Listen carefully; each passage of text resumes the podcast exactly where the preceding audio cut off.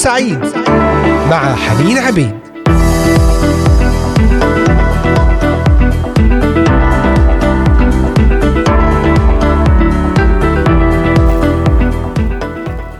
أهلا وسهلا بكم أحبائي المستمعين والمتابعين هنا إذاعة صوت الأمل من الأراضي المقدسة وبرنامج نهاركم سعيد. حلقة جديدة وأرحب بكم جميعا أينما كنتم تستمعون إلينا من مختلف بلدان الشرق الأوسط بلدان أوروبا كندا أمريكا أستراليا. بإمكانكم الاستماع إلينا من خلال منصات البودكاست المختلفة سبوتيفاي ديزر أمازون ميوزك كاست بوكس أبل وجوجل بودكاست كذلك على قناة اليوتيوب إذاعة صوت الأمل بث مباشر. أرحب بكم في حلقة جديدة ولهذا اليوم الثلاثاء الثالث عشر من شهر فبراير شباط عام 2024 بإمكانكم الاستماع لهذه الحلقة مرة أخرى وإلى حلقات برامجنا جميعا على منصات البودكاست المختلفة لإذاعة صوت الأمل. موضوع الحلقة لهذا اليوم بعنوان القلب المشتعل بنار حب الرب. القلب المشتعل بنار حب الرب من خلال حياة التوبة. لم تكن روعة معمار المدينة العريقة ولا المهارة الفائقة التي نحتت بها تماثيلها العديدة هي التي جذبت اهتمام الرسول بولس حينما وطأت قدماه العاصمة الثقافية ذائعة الصيت في العالم القديم أثينا. خلاص سكانها كان الأمر الذي استحوذ بالكامل على قلب وذهن هذا المبشر العظيم. وهناك على قمة إحدى تلالها والمعروف باسم آريوس باغوس. أطلق واحدة من عظاته التبشيرية الشاهدة لقلبه الملتهب بحب للخطاة وبغيرة عارمة لخلاصهم. هذه العظة سجلت لنا في سفر أعمال الرسل. الأصحاح السابع عشر الآية الثانية والعشرين حتى الحادية والثلاثين. نرى هذه الحقيقة إن الدعوة إلى التوبة هي في صميم كرازة الخطى حيث أنهى بولس الرسول عظته هذه قائلا الله الآن يأمر جميع الناس في كل مكان أن يتوبوا متغاضيا عن أزمنة الجهل. فلا كرازة حقيقية بحسب قصد الله تتغاضى عن التوبة ولا تتحدث عنها. أول عبارة بدأ بها الرب يسوع المسيح كرازته وسجلها لنا إنجيل مرقس هي عن التوبة. في إنجيل مرقس الأصحاح الأول الآية الخامسة عشر. قد كمل الزمان فتوبوا وآمنوا بالإنجيل. وآخر حديث له في إنجيل لوقا أشار فيه أيضا إلى الكرازة بالتوبة كان ينبغي أن المسيح يتألم ويقوم في اليوم الثالث ويكرز باسمه بالتوبة ومغفرة الخطايا. وفي أول عظة كرازية في سفر أعمال الرسل طالب الرسول بطرس سامعيه من اليهود أن يتوبوا. توبوا وليعتمد كل واحد منكم على اسم يسوع المسيح لغفران الخطايا. وفي آخر حديث للرسول بولس إلى قصوص كنيسة أفسس قدم ملخصا لمحتوى كرازته وبالطبع أبرز التوبة. ولا ننسى كلمات الرب القاطعة إن لم تتوبوا فجميعكم كذلك تهلكون. فيا لضرورة التوبة. والآيات التي قرأناها تؤكد أنها الخطوة الرئيسية الحاسمة لنوال الخلاص. سنكمل في الحديث بعد هذه الترنيمة مع جيلان متى قوم رنم وارفع صوتك ده انت ابن الملك ونعود ونكمل وإياكم.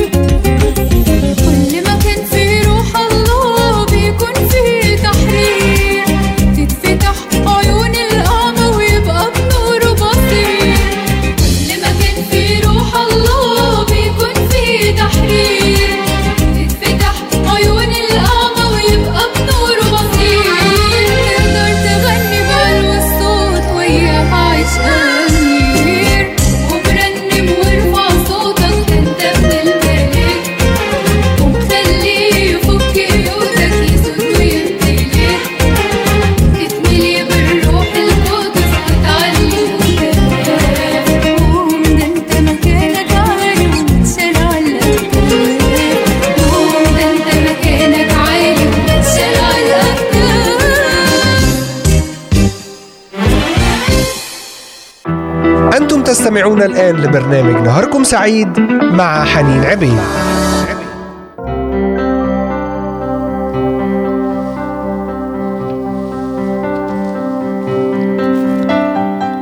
عدنا إليكم أحبائي المستمعين بعد هذه الترنيمة الرائعة مع جيلان متى قوم رنم وارفع صوتك ده أنت ابن الملك. تتحول لشعلة نار. نتحدث في هذه الحلقة عن القلب المشتعل بنار حب الرب. من خلال حياة التوبة. فلا يمكن أن نحيا حياة مشتعلة إلا إذا كان هنالك توبة حقيقية. وقرأنا قبل الفاصل آيات رائعة عن التوبة وأهمية التوبة. التوبة ضرورية أيضا للمؤمن حين يخطئ حتى يستمر متمتعا بالشركة مع إلهه. الله إله قدوس يريدنا أن نشترك في قداسته في تفكيرنا وأقوالنا وسلوكنا. تقول لنا الرسالة نظير القدوس الذي دعاكم كونوا أنتم أيضا قديسين في كل سيرة. لأنه مكتوب كونوا قديسين أني أنا قدوس. الرب يتكلم هنا كونوا قديسين لأني أنا قدوس. فاستسلام المؤمن لخطية من الخطايا وترحيبه بها وعدم مقاومته لها يحرمه من الشركة مع إلهه لأنه أي شركة للنور مع الظلمة. يقول داود إن رأيت إثما في قلبي لا يستمع لي الرب. وهذا يعرض المؤمن للتأديب من الآب.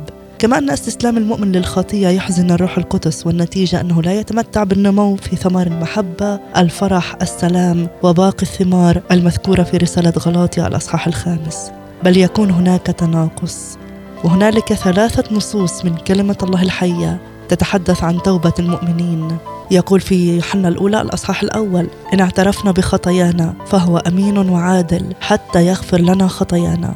وقد نسأل أين التوبة في هذه الآية؟ سنرى وجودها واضحا إذا فهمنا ما اعترفنا هي الفعل اليوناني الذي معناه أن تقول نفس الشيء الذي يقوله آخر أي إن أخطأت فلتقل عن خطيتك نفس ما يقوله الرب عنها. أي أن تطرح جانبا أي محاولة منك للتقليل من خطورتها. لتراها كما يراها الآب إنها ظلمة كلفت الرب يسوع آلام الصلب المهولة. وهكذا فالاعتراف بالخطية يعني أن تعترف بها للرب وتغير ذهنك في تفكيره عنها. وهذا هو معنى التوبة تغيير الذهن. النص الثاني في رسالة كورنثوس الأولى الأصحاح الحادي عشر. فيكم كثيرون ضعفاء ومرضى وكثيرون يرقدون لأننا لو كنا حكمنا على أنفسنا لما حكم علينا. إذ قد حكم علينا نؤدب من الرب. أين التوبة في هذه الآيات؟ إنها عبارة لو حكمنا على أنفسنا. إن ادنت نفسك في محضر الله وتغير ذهنك من التساهل مع الخطية إلى إدانتها والحكم عليها. وهذا المقصود بالميتانويا الكلمة التي درسناها في حلقة الأمس. التوبة. والآيات تقول إن الاستمرار في الخطية يؤدي إلى التأديب الذي يتدرج من ضعف إلى مرض إلى موت إن لم يتب المؤمن. أما إذا تاب وحكم على نفسه فإن التأديب يتوقف. ما أعظم الهنا إله كل نعمة. فلأنه يحب المؤمن ويريده أن يستمر في الشركة معه يؤدبه. كآب يؤدب ابنه كي يرفض خطاياه ويبغضها ويستخدم الرب الضيقات. لكنها في العادة ليست وسيلته الأولى فهو يلجأ إليها بعدما يستنفذ وسيلته الأخرى في التأديب وهي التبكيت من خلال الكلمة. الرسول بولس يقول كل الكتاب أي كل الكتاب المقدس نافع للتعليم والتوبيخ للتقويم والتأديب الذي في البر. فعادة ما يبدأ الرب باستخدام كلمته في تأديبنا لأنه يعاملنا كأبناء وليس كعبيد. العبيد لا يؤدبون بالكلمة. المؤمن ليس عبدا بل ابنا. الكلمة تقول لكل مؤمن لست بعد عبدا بل ابنا. ولأنه ابن فسيؤدبه الرب بكلمته اولا قبل أن يستخدم الضيقات. إن كنت تعطي اهتماما للكلمة فأنت بهذا تسمح للرب أن يحدثك من خلالها ليشير إلى الخطية التي ترحب بها. فإن انحنيت لما تقوله وقبلت التوبيخ تقودك إلى رفض الخطية والتحول عنها. وهكذا تجنب نفسك التأديب في الضيقات. قال الرب يسوع لتلاميذه كل غصن يأتي بثمر ينقيه ليأتي بثمر أكثر. ثم أضاف قائلا وأنتم أنقياء لسبب الكلام الذي كلمتكم به. الكلمة التي تقود للتوبة. الكلمة التي تغير اتجاه التفكير ليكون دائما كارها للخطية. وهكذا تجعلنا أنقياء. لنهتم في قراءة وسماع الكلمة. لنصغي إلى كلماتها التي تشير إلى الأخطاء لنتجاوب مع توبيخها لنحكم على أنفسنا في ضوئها ولنخضع تفكيرنا واتجاهاتنا لما تقوله لنا. يقول الرسول بولس مؤكدا في رسالة كورنثوس الأولى الأصحاح الحادي عشر لو كنا حكمنا على أنفسنا أي لو كنا حكمنا على أنفسنا من خلال التجاوب مع الكلمة لما حكم علينا. أما النص الثالث الذي يتحدث عن التوبة توبة المؤمن سنقرأه ونتأمل فيه بعد الفاصل مع سعيد رمضان. مراحمك غنية وقلبك عظيم. نعم الرب يحبك يحبك جدا. يريدك ويريدك أن ترفض الخطية وتقبل إليه وتقبل نعمته وعمله ومراحمه الغنية والعظيمة. فاصل ونعود ونكمل وإياكم.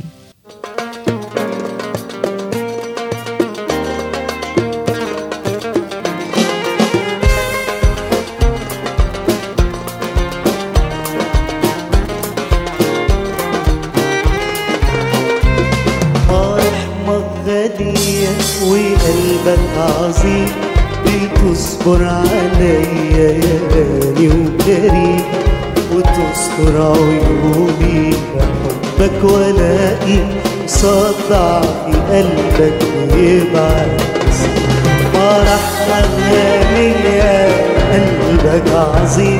بتصبر عليا يا غالي وكريم وتستر عيوبي حبك ولاقي صدع في قلبك يبعد في طيبة مشاعرك الشلقانة بتحفظ وترفع وتبقى السند قدام كل موقف أنا قلبي سند إلهي وربي ورايا في طيبة مشاعرك الشلقانة بتحفظ وترفع وتبقى السند قدام كل موقف أنا قلبي سجد الهي وربي وراعي عظيم في وقت المحن مين بيبقى المعين؟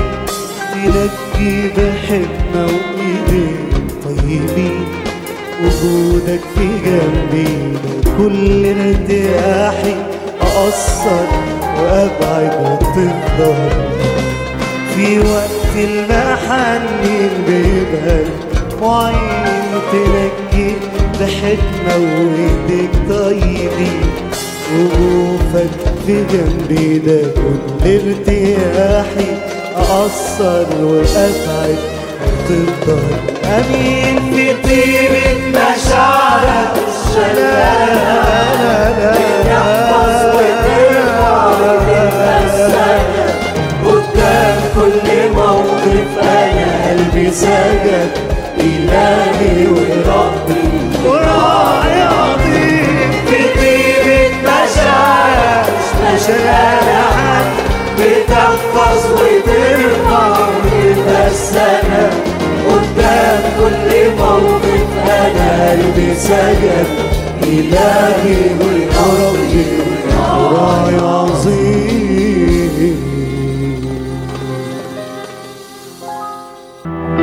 أنتم تستمعون الآن لبرنامج نهاركم سعيد مع حنين عبيد.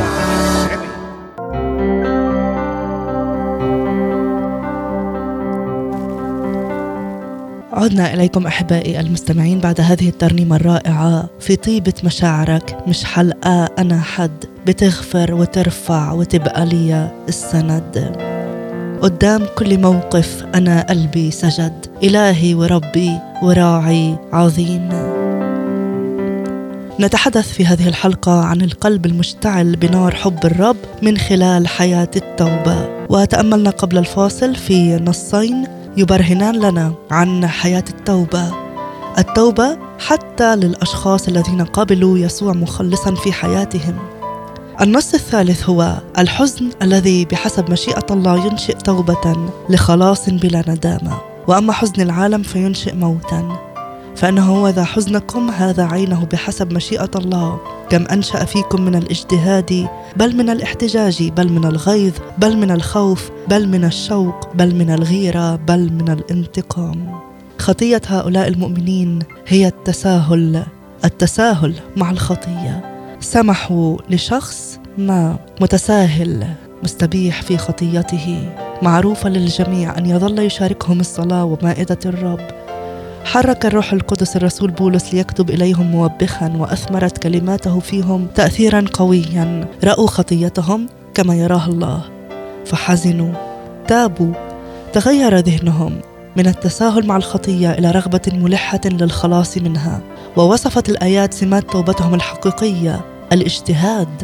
نهضوا من الكسل. تحرروا من التراخي ليتخذوا موقفا من هذا المؤمن الذي تساهل وتمادى مع الخطية. الاحتجاج لن يستسلموا لأي آراء تشجعهم على الاستمرار في تغاضيهم عن الشر. سيحتجون عليها ويدافعون عن توبتهم بكل الآيات المناسبة.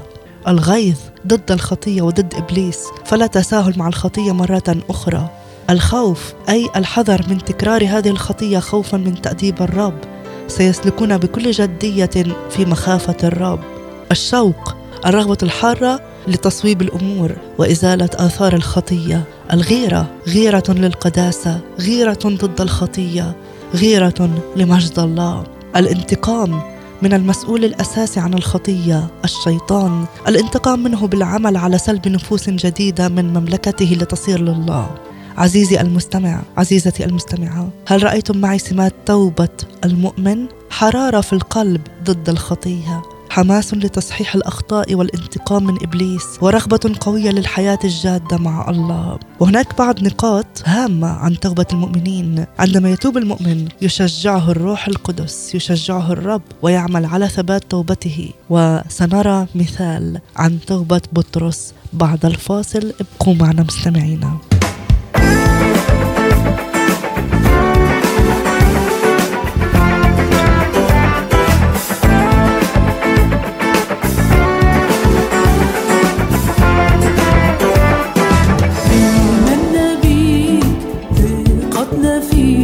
نتحدى بيك المستحيل.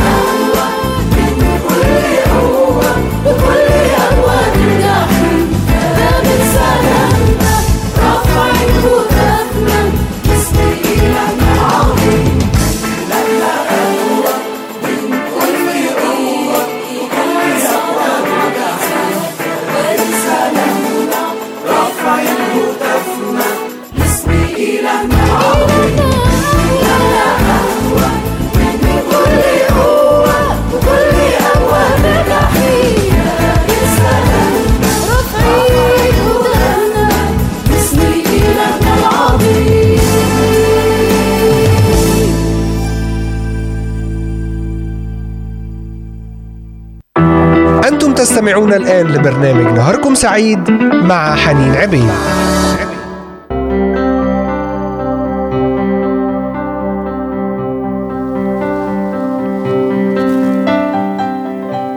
أخطأ بطرس خطأ جسيما انهزم من الخوف فأنكر سيده الذي نقل حياته إلى المجد. أنكره أمام جارية يا للضعف. انظر كيف وصف إنجيل مرقس ما حدث.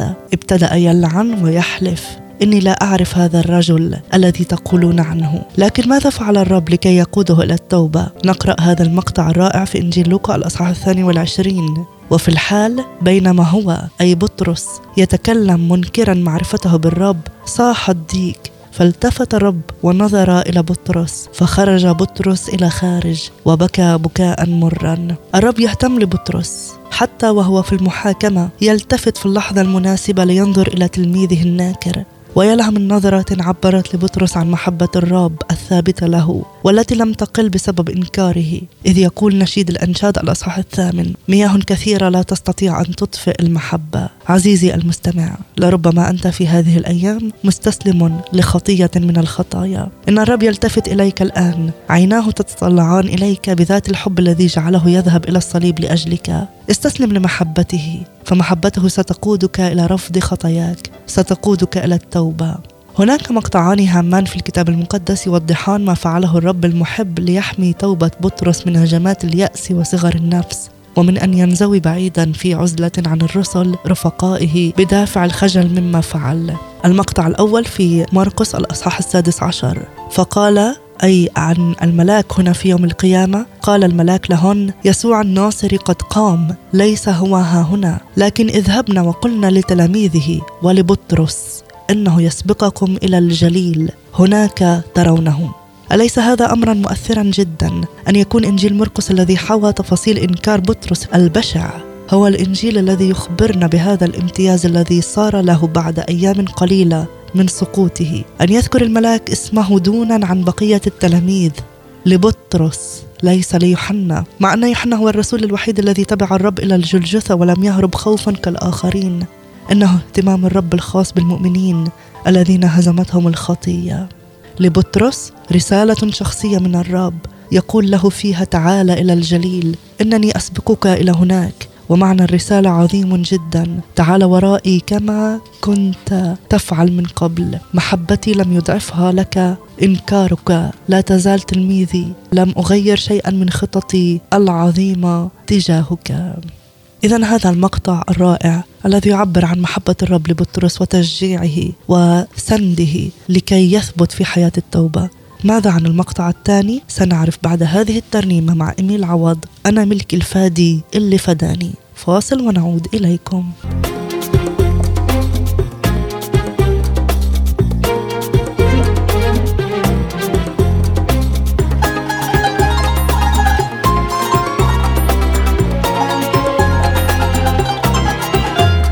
ملك الفادي اللي فداني وبصلبه موته أحياني حررني وبدمه شراني انكسر الفخ ونجاني. مجدا ليسوع شكرا ليسوع.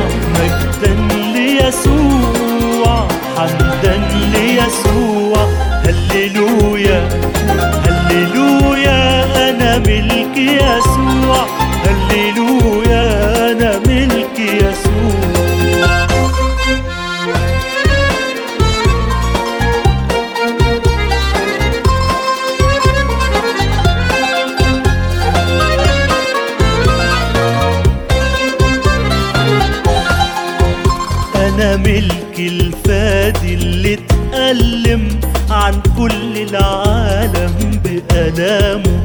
لصليب وأنا هخضع واتعلم وطريقي بيوضح في كلامه مجدا ليسوع. شكرا ليسوع. مجدا ليسوع. حمدا ليسوع. هللويا. هللويا. أنا ملك يسوع. هللويا. أنا ملك يسوع.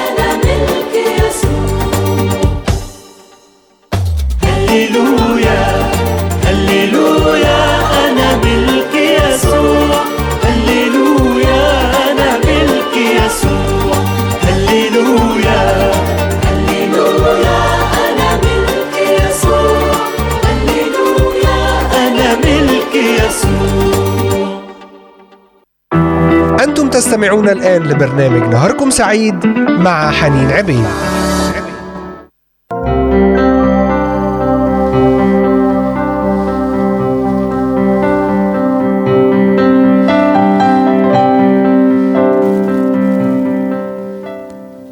هللويا أنا ملكي يسوع.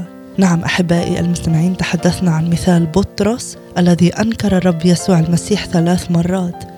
إلا أن الرب يسوع أعطاه اعتبارا ومحبة فائقة محبة غامرة. إذ قال الملاك للمريمات اذهبنا قلنا لتلاميذه ولبطرس. فالتفت الرب ونظر إلى بطرس. أي اعتبار هذا؟ أي رد للاعتبار والمكانة؟ أنه يقول له محبتي لك لم يضعفها إنكارك لي. لا تزال تلميذي لم أغير شيئا من خططي العظيمة تجاهك.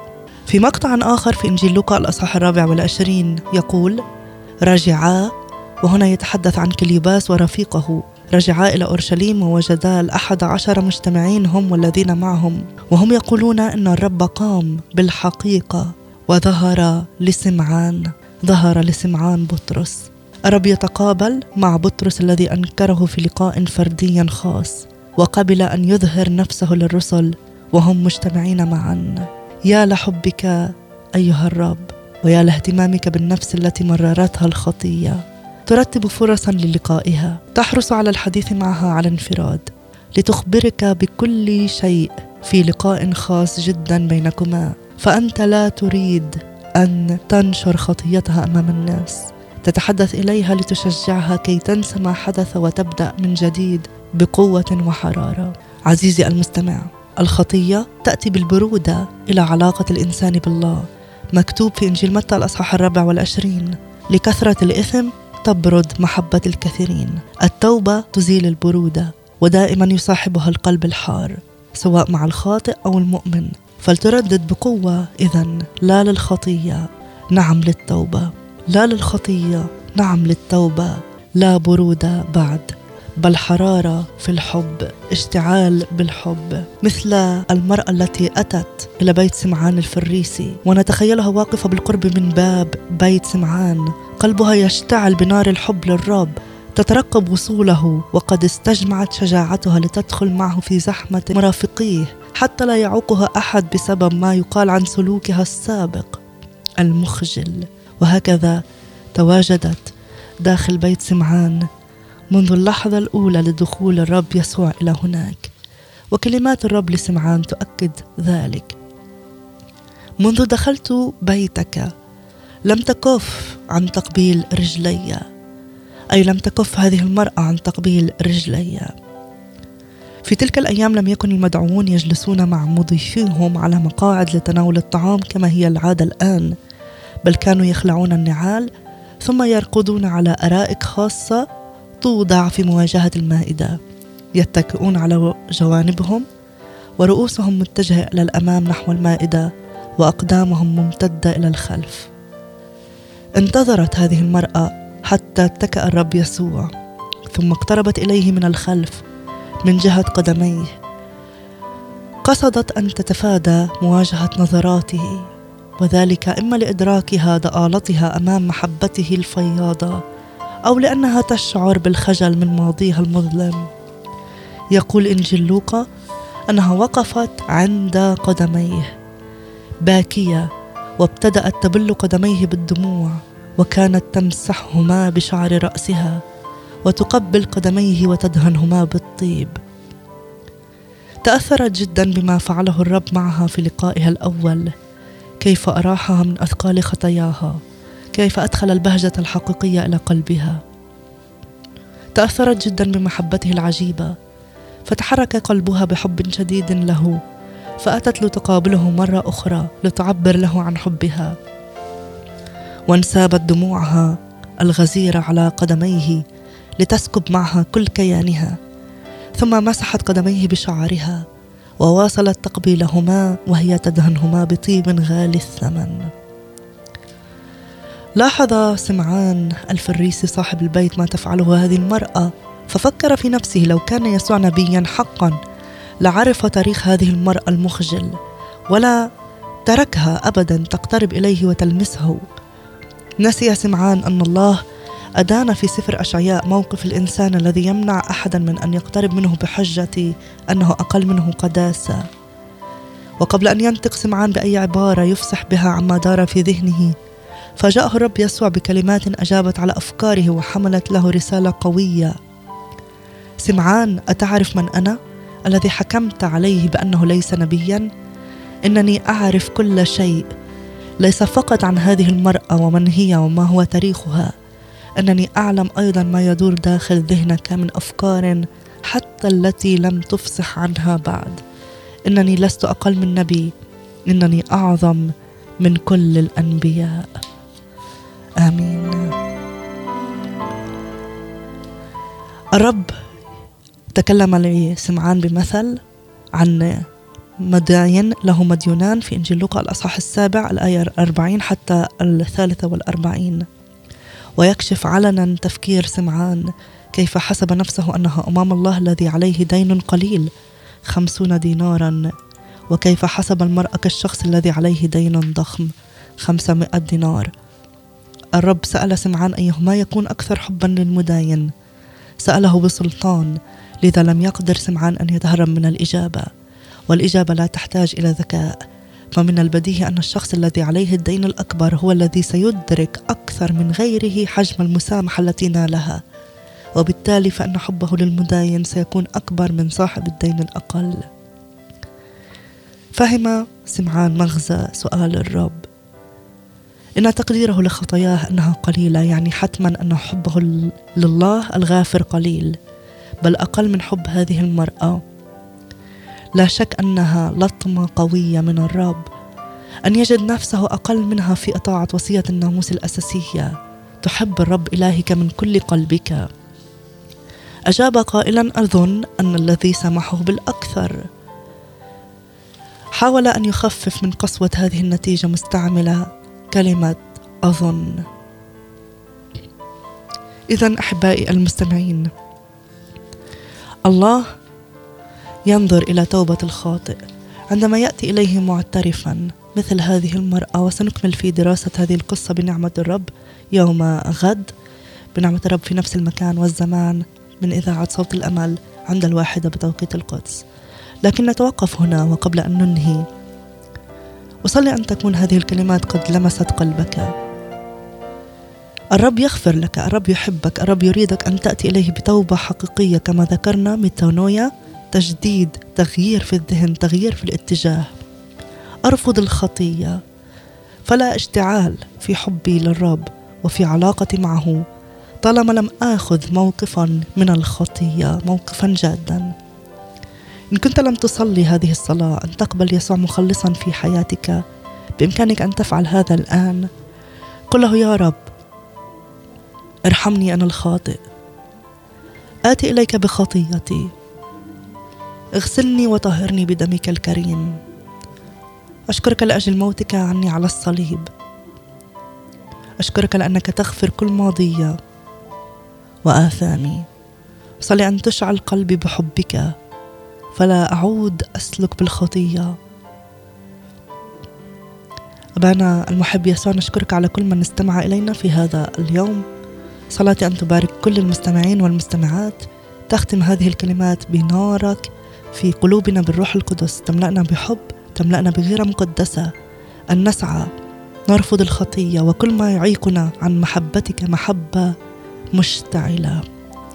كل من لديه احتياج يا رب أنت تعرف الجميع وأنت تفحص القلوب. نصلي أن تصل بمحبتك ونعمتك وشفائك لكل أحبائي الذين استمعوا اليوم. بركاتك علينا في بقية هذا اليوم. آمين. آمين. أنا محتاج لكلمتك. تغيرني وتحلى عشرتك. مع فريق الحياة الأفضل للشباب ولنا لقاء جديد بنعمة الرب يوم غد في نفس المكان والزمان عبر إذاعة صوت الأمل من الأراضي المقدسة. هذه محبتي وتحياتي كانت معكم حنين عبيد. إلى اللقاء. نهاركم سعيد.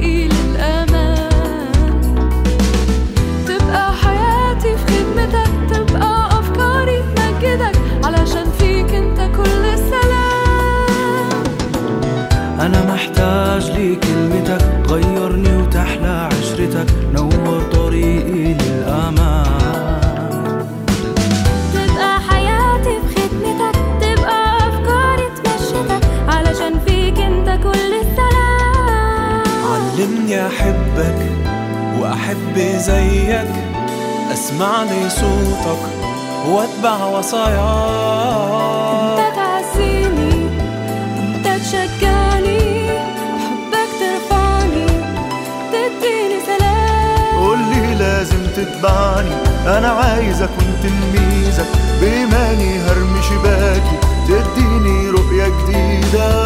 عشان بكرة هتيجي.